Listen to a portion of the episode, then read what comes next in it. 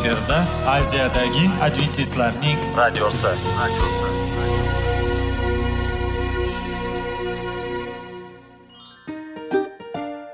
Assalomu alaykum aziz radio tinglovchilar. Sog'liq daqiqasi rubrikasiga xush kelibsiz. Zero tananing sog'lom bo'lishi va uning kasalliklardan saqlash har bir insonning burchi hisoblanadi. Inson uchun bebaho boylik bu sog'liq salomatlikdir. Uni asrash esa har birimizga omonat qilib berilgan. Shuning uchun ham inson o'z sog'lig'ini ehtiyot qilishi voajib amallardan hisoblanadi.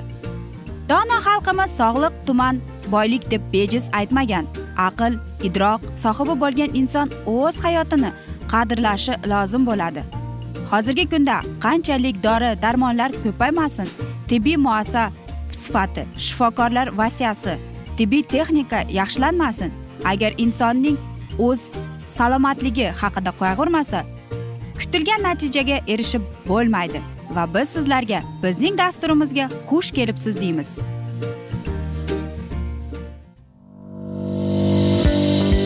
Sog'liq daqiqasi soliqning kaliti qiziqarli ma'lumotlar faktlar.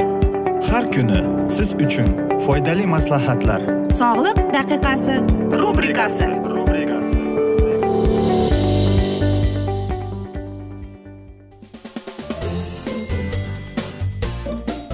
assalomu alaykum aziz radio tinglovchilar dasturimizga xush kelibsiz.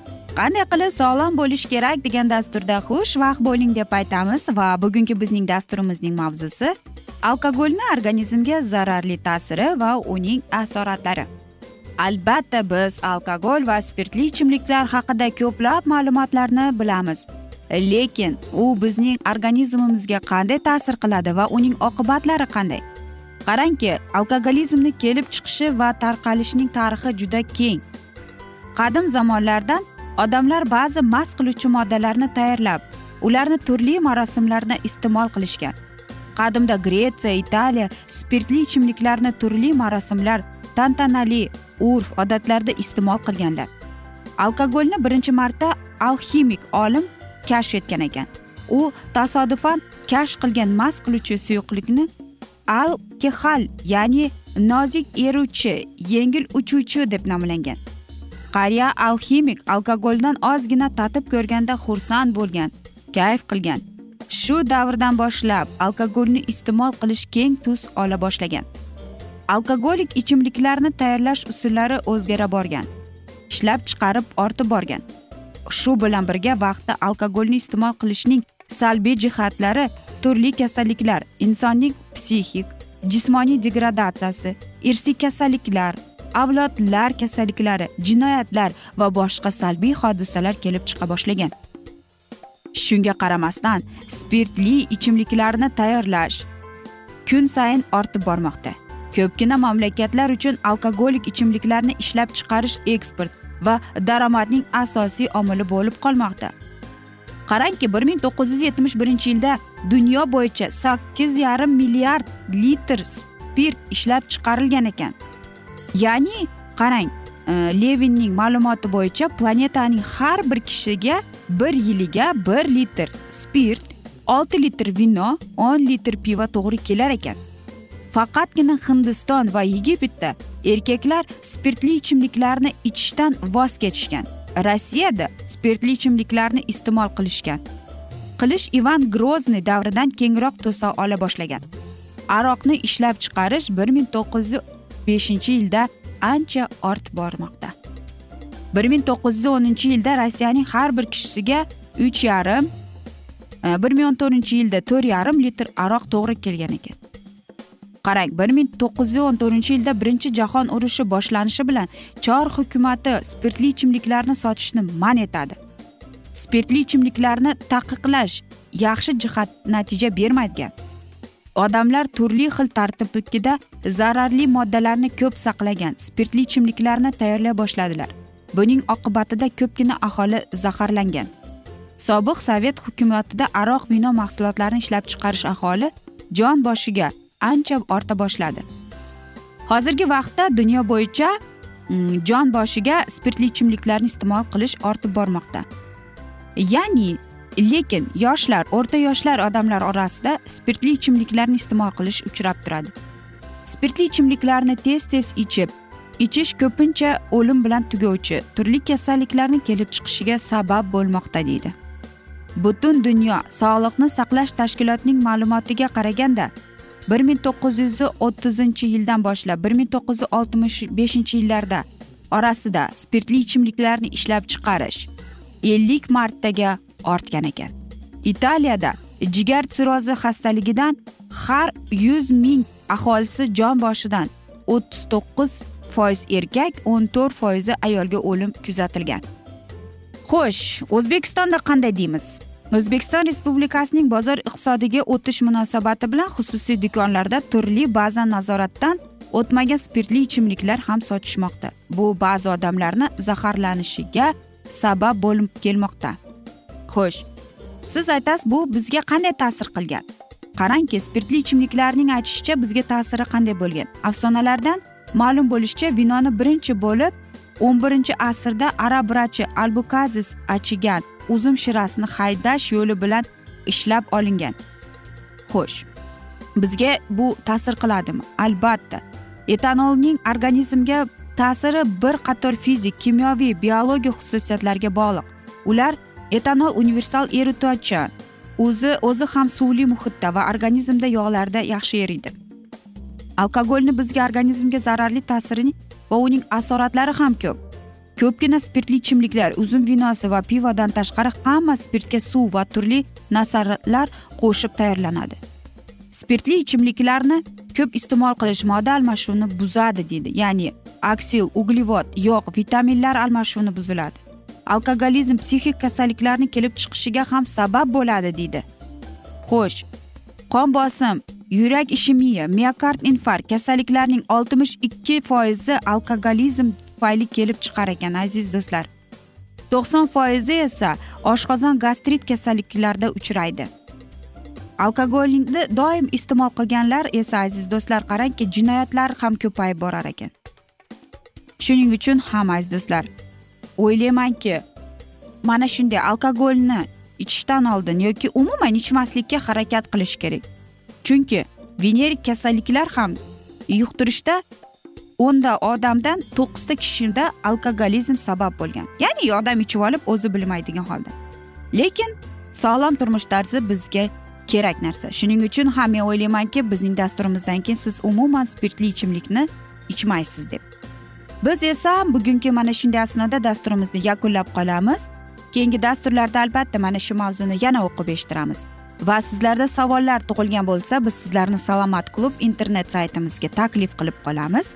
Va men umid qilamanki bizni tark etmaysiz deb chunki oldinda bundanda qiziq va foydali dasturlar kutib kelmoqda aziz do'stlar. Biz sizlarga sog'lik salomatlik tilab yuzingizdan tabassum hech ham ayrimasin deb xayrlashib qolamiz.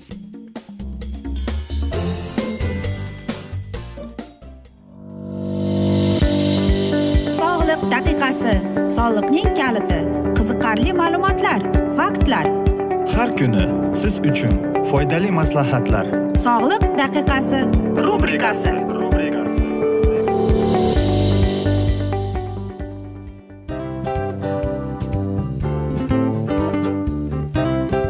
Mana ha hayotda hamma narsaning yaxshi narsalar tugaydi va yakunlaydi degandek bizning dasturimizga ham yakun keldi. O'ylaymanki bizning dasturimiz sizga foydali bo'ldi deb aziz radio tinglovchimiz. Va siz o'zingiz uchun kerakli xulosalar kerakli maslahatlar olib oldingiz. Aziz radio tinglovchimiz biz bilan qoling va keyingi dasturlarimiz albatta undanda qiziqroq bo'ladi. Mana shu alfozda sizlar bilan xayrlashib qolaman.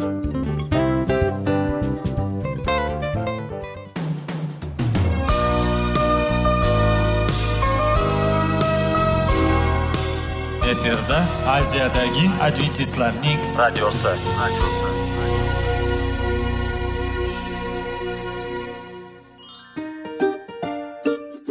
Assalomu alaykum aziz radio tinglovchilarimiz.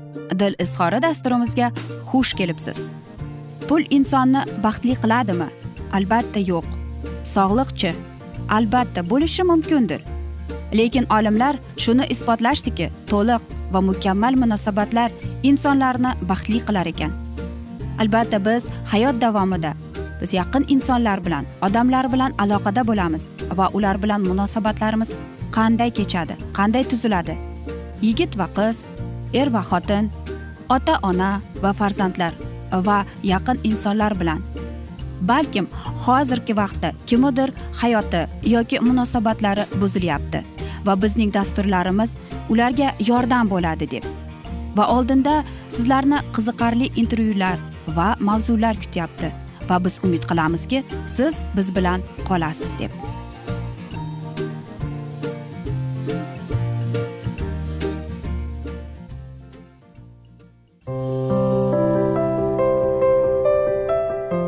Kuni har xil kasbdagi odamlar bilan sirlashish va bo'lishish sevgi rashq munosabat bularni hammasi dil izhori rubrikasida.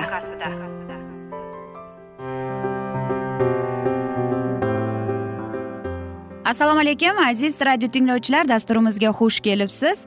Topish va ushlab qolish degan dasturda xushvaqt bo'ling deb aytamiz va bugungi bizning dasturimizning mavzusi yoshlarni nikoh oldi tibbiy ko'rikdan o'tkazish va nikohning mustahkamligi deb nomlanadi. Albatta hammamiz bilamizki e, yoshlarni hozirgida ular e, zagsga ariza tashlaganda ularga mana shunday majburiyat qo'yilgan. Ular tibbiy ko'rikdan o'tish kerak. Lekin afsuski ko'p e, mana shunday yoshlarimiz borki bu shart emas deb. Va bugun sizlarga dasturimizda aytib bermoqchimizki buning qanday ijobiy tomonlari bor? Qarangki oila kodeksining o'n yettinchi moddasida yosh kelin kuyovlar nikohgacha ixtiyoriy tarzda tibbiy ko'rikdan o'tishlari maqsadga muvofiq ekanligini ta'kidlangan. Bu modda kiritilishining mohiyati shundaki iymonli insofli va yaxshi niyatli inson uchun oila qurish uning mustahkam poydevorga bo'lishga qayg'urish qanchalik muhim va majburiy bo'lsa yoki ota ona bo'lish mas'uliyatli kuchli bo'lsa o'zidan sog'lom zurriyot qoldirish uni sog' salomat katta qilib voyaga yetkazish to'g'ri tarbiya berish shunchalik mas'uliyatli va majburiy ishdir. Shuning uchun har bir yigit va qiz yoki ularning ota onalari yangi oila qurish ishini savob va mas'uliyatli deb anglasalar nikohga kiruvchilarning pushti va nasli nuqtai nazaridan sog' salomatlikka ishonch hosil qilish shunchalik zarurdir. Tibbiy ko'rikdan o'tgan har ikki yosh eng avvalo o'z vijdoni oldida toza bo'lish masalaning bir tomoni bo'lsa hali oilani ko'rmay turib uning salomatligi haqida qayg'urayotganligi ulardagi ana shu nikohdagi muqaddas narsaga bo'lgan jiddiy va mas'uliyatli munosabatlarning namoyon bo'lishidir. Ayniqsa bugungi bozor munosabatlari sharoitida oila har bir a'zosining e, sog'lom bo'lishi yangi tug'ilgan farzandining sog' va salomat e, katta bo'lib bo'lishi qanchalik muhim iqtisodiy hamda ma'naviy masala ekanligini bugun hamma tushunib qoldi. Jamiyatda e, sog'lom oilalar soni oshirish maqsadida qabul qilingan qarorlardan biri bu nikohlovchi shaxslarni tibbiy ko'rikdan o'tkazish to'g'risida bu nizomdir aziz do'stlar. Xo'sh ushbu nizomga ko'ra barcha fuqarolar nikohdan oldin tibbiy ko'rikdan o'tishlari zarur. Bunday bo'lajak kelin kuyovlar beshta asosiy xastalik ya'ni sil teritanosil giyohvandlik oitis ruhiy kasalliklar bilan bo'yicha tekshiriladi. Sababi bu beshta kasallik bevosita naslga ta'sir qiladi deydi olimlar. Kuzatishlar va amaliyotlar shuni tasdiqlamoqdaki nikoh oldi tibbiy ko'rikdan ongli ravishda o'tish salomatlikni asrashning aynan o'zimizga oilamizga bog'liq jihatlarni bilish bolalar sporti oilaviy ommaviy sportni rivojlantirish oilada sog'lom yashash tarzi ko'nikmalarini shakllantirish millatni jipslashtiruvchi naslni poklovchi davlatni kuchli qiluvchi omil sifatida bog'lanmoqda deydilar. Xo'sh aziz yoshlar demak sizni e, siz e, zagsga ariza tashlaganingizda va albatta tibbiy ko'rikdan o'tayotganingizda bu siz uchun yuk bo'lmasligi kerak. Biz sizlarga aytib e, mana shunday dasturda aytmoqchimizki qarangki sog'lom turmush tarzi ya'ni e, siz e, o'sha bilmagan yoki tanimagan oilada qanday kasalliklar bor yoki bo'lmagan yoki bo'ladimi? Va shundagina siz sog'lom e, farzand dunyoga keltirasiz. Xo'sh bu ham bir ma'noda mamlakatimizda bir so'z bor. Sog'lom ona sog'lom bola ijtimoiy harakatining samarali targ'ibot tashviqot ishlarining natijasidir. Qishloq hududlarida aholining toza ichimlik suvi zarur sanitar gigiyena sharoitlarini yaratish xususan ota bobolarimizdan qolgan har bir sharoitlarni yaratish. Albatta bu mahallada sharqona yuvinish mahsalakanlarni bo'lmish hammomlar qurilishiga e'tiborning ortganligini ham yurtdoshlarimiz psixologiyasining muhim o'zgarishlarga olib kelyapti. Xo'sh aziz do'stlar biz e, nima deyishimiz mumkin? Qarangki oxirgi yillarda ommaviy sportga oilaviy hamda bolalar ayollar sportiga e'tibor yanada kuchaydi. Barkamol avlod sport o'yinlari universiada umid nihollari musobaqalari respublika ayollar sport qaydasi badiiy gimnastika bo'yicha xalqaro bellashuvlar va boshqalar e, o'z qo'llami va xalqchiligi bilan xalq e'tirofini qozondi. Ushbu saiy harakatlar davlatimizning bu boradagi strategik rejalarini muvaffaqiyatli amalga oshirishda xalq bilan hamjihat ekanligini isbotlamoqda. Yurtimiz ayollar va bolalar sporti bilan faqat o'zining jismoniy quvvatini tiklash va bo'sh vaqtini maroqli o'tkazish uchun emas balki u orqali sog'lom turmush tarzi keng targ'ibot qilish ma'naviy va jismoniy kamolga intilish turli salbiy ta'sirlar va zararli odatlardan xalos bo'lish kuchli xarakterni shakllantirish uchun shug'ullanayotganlarni har qanday tahsinga loyiqdir. Bularning barchasi strategik maqsadimiz milliy genofondni yaxshilash barkamol va sog'lom avlod tarbiyasi borasida amalga oshirayotgan ishlarni yanada takomillashtirish orqali yosh oilalarning barqarorligiga erishishdan iboratdir. Mana aziz do'stlar mana aziz yoshlarimiz. E, ya'ni qarangki tibbiy ko'rikdan o'tishning o'zining ijobiy tomonlari ham bor ekan. Lekin buni erinmasdan yoki palon joyda yoki menga keragi yo'q yo'q aziz do'stlar. Aziz yoshlarimiz bu bizga kerak. E, chunki keyingi sizlardan qolayotgan avlod sizlardan qolayotgan vujud farzand u sog'lom bo'lishi kerak. Axir ota ona sog'lom bo'lsa bola ham sog'lom bo'ladi deb bejiz aytishmagan. Shuning uchun ham aziz yoshlarimiz tibbiy ko'rikdan o'tishdan bosh tortmasdan va chaqqon xushchaqchaq bo'lib o'tganingizga sizga minnatdorchilik bildiramiz deymiz. Aziz do'stlar mana shunday asnoda esa biz bugungi dasturimizni afsus yakunlab qolamiz chunki vaqt birozgina chetlatilgan. Lekin keyingi dasturda albatta mana shu mavzuni yana o'qib eshittiramiz. Aziz do'stlar umid qilamanki bizni tark etmaysiz deb chunki oldinda bundanda qiziq va foydali dasturlar kutib kelmoqda. Biz sizlarga va oilangizga sog'lik salomatlik tilagan holda seving seviling deb xayrlashib qolamiz.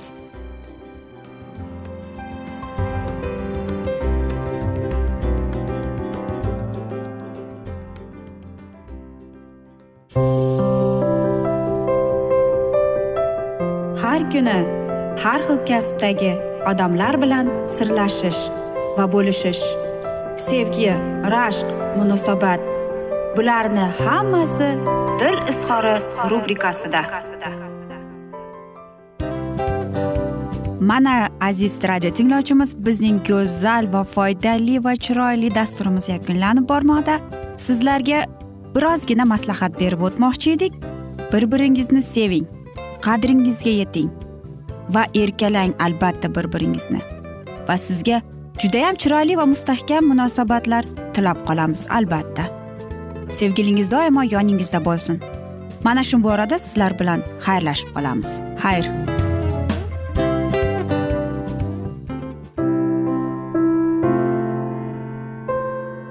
Hayotning noni.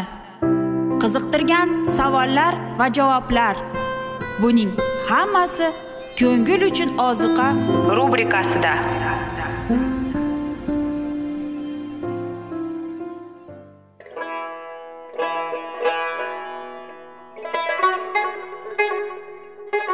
Assalomu alaykum aziz radio tinglovchilarimiz. Ko'ngil uchun oziqa rubrikasida xush kelibsiz deymiz. Siz haqiqatni izlayapsizmi? Olamnimi? Umidnimi? Siz kimga murojaat qilmoqchisiz?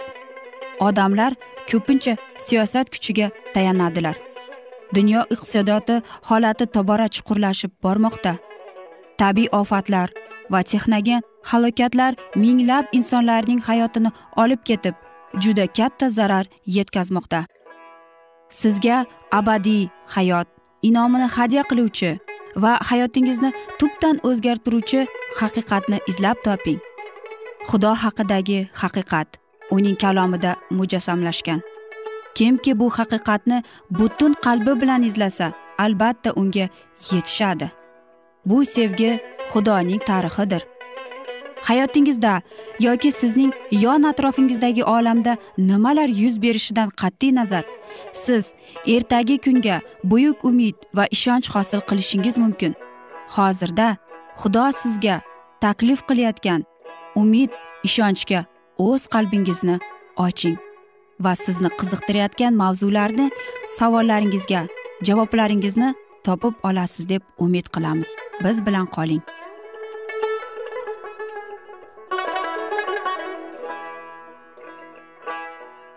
Assalomu alaykum aziz radio tinglovchilar dasturimizga xush kelibsiz.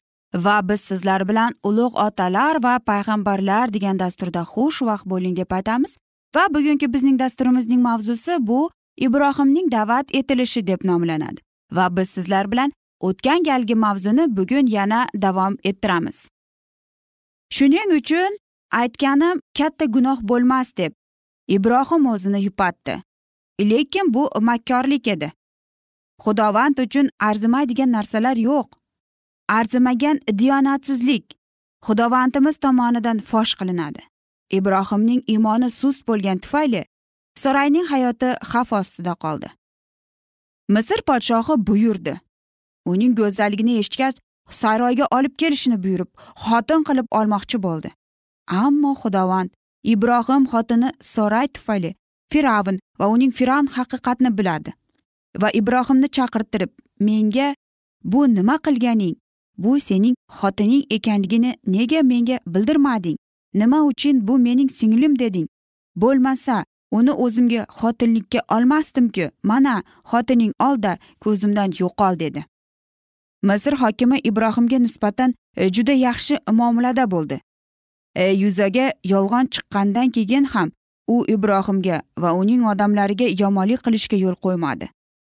Ular chegaradan chiqib ketguncha ularni himoya qilishga buyurdi. Qonunlari bo'yicha misrliklar ajnabiy podachilar bilan yaqinlashib ular bilan yeb ichib o'tirolmas edilar. Fir'avn butun joni bilan ibrohim ila muomala qildi va o'zida qoldirishga jur'at qilolmay misrni qoldirib chiqib ketishga iltimos qildi. Hech narsa bilmay ibrohimga zarar keltirishi oz qoldi. Xudovand qatnashib fir'avnni katta gunohdan saqlab qoldi. Shunda misrning egasi bu ajnabiy xudoyning aynan lutfi qaramiga sazovor bo'lganini tushundi va uni o'zida qoldirishdan qo'rqdi.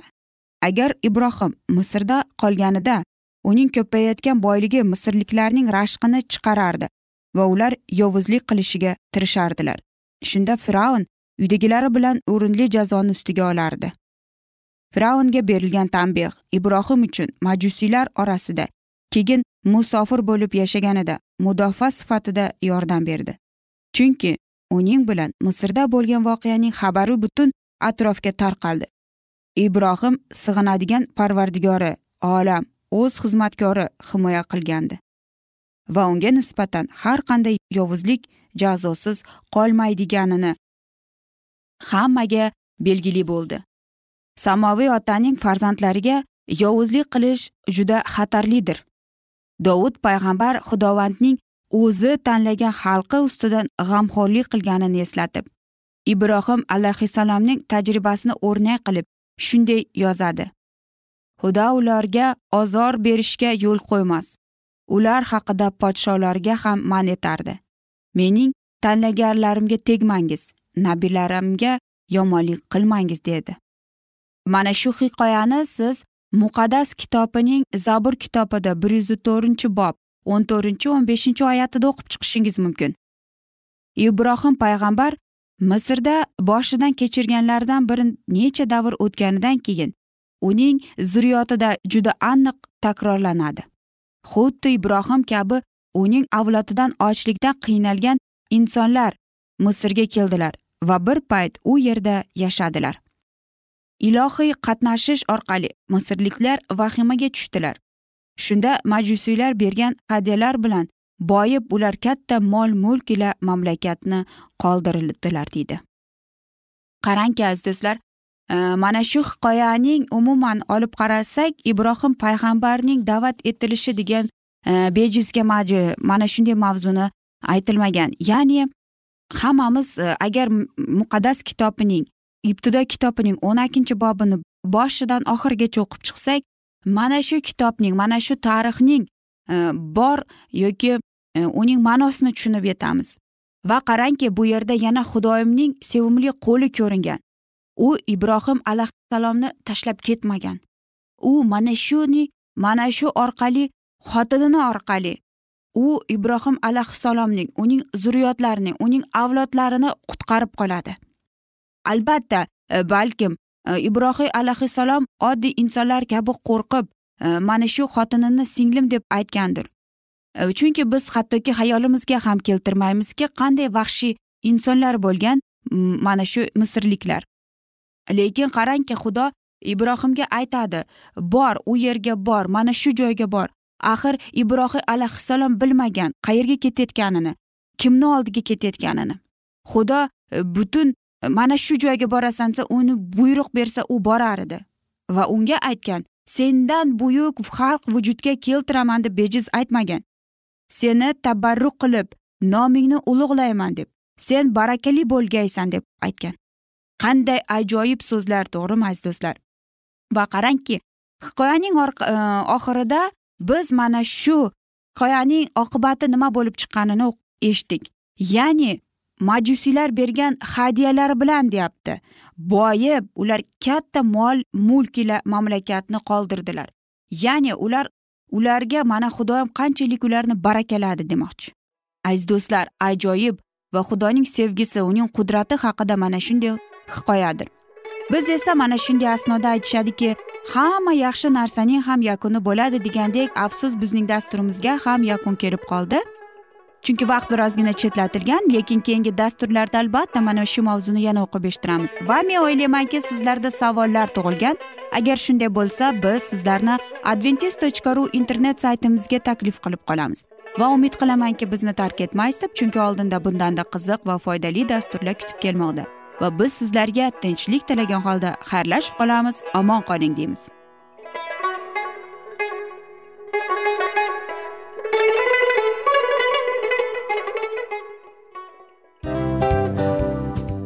Aziz radio tinglovchimiz hamma yaxshi narsaning yakuni bo'ladi degandek bizning ham dasturlarimiz yakunlanib qolmoqda. Aziz do'stlar o'ylaymanki bizning dasturlarimiz sizlar uchun judayam foydali bo'ldi deb bizning dasturlarimizdan siz o'zingizga foydali va judayam kerakli maslahatlar oldingiz deb. Masalan sog'liq borasida biz sizlarga sog'liq tilaymiz albatta lekin bizning maslahatlarimizga ham amal qilishga unutmang. Munosabatlarga kelganda bu munosabatlar chuqur va yaxshi bo'lishi uchun uni ustidan ishlash kerak albatta. Diniy masalaga kelsak aziz do'stlar bu judayam jiddiy va chuqur nazarni talab qiladi. Ammo biz sizlar bilan xayrlashib qolmaymiz keyingi dasturlarda eshittirishimizni davom ettiramiz va sizlar bilan mana shu yaxshi kayfiyatda xayrlashib qolamiz. Va keyingi dasturlarda ko'rishguncha xayr!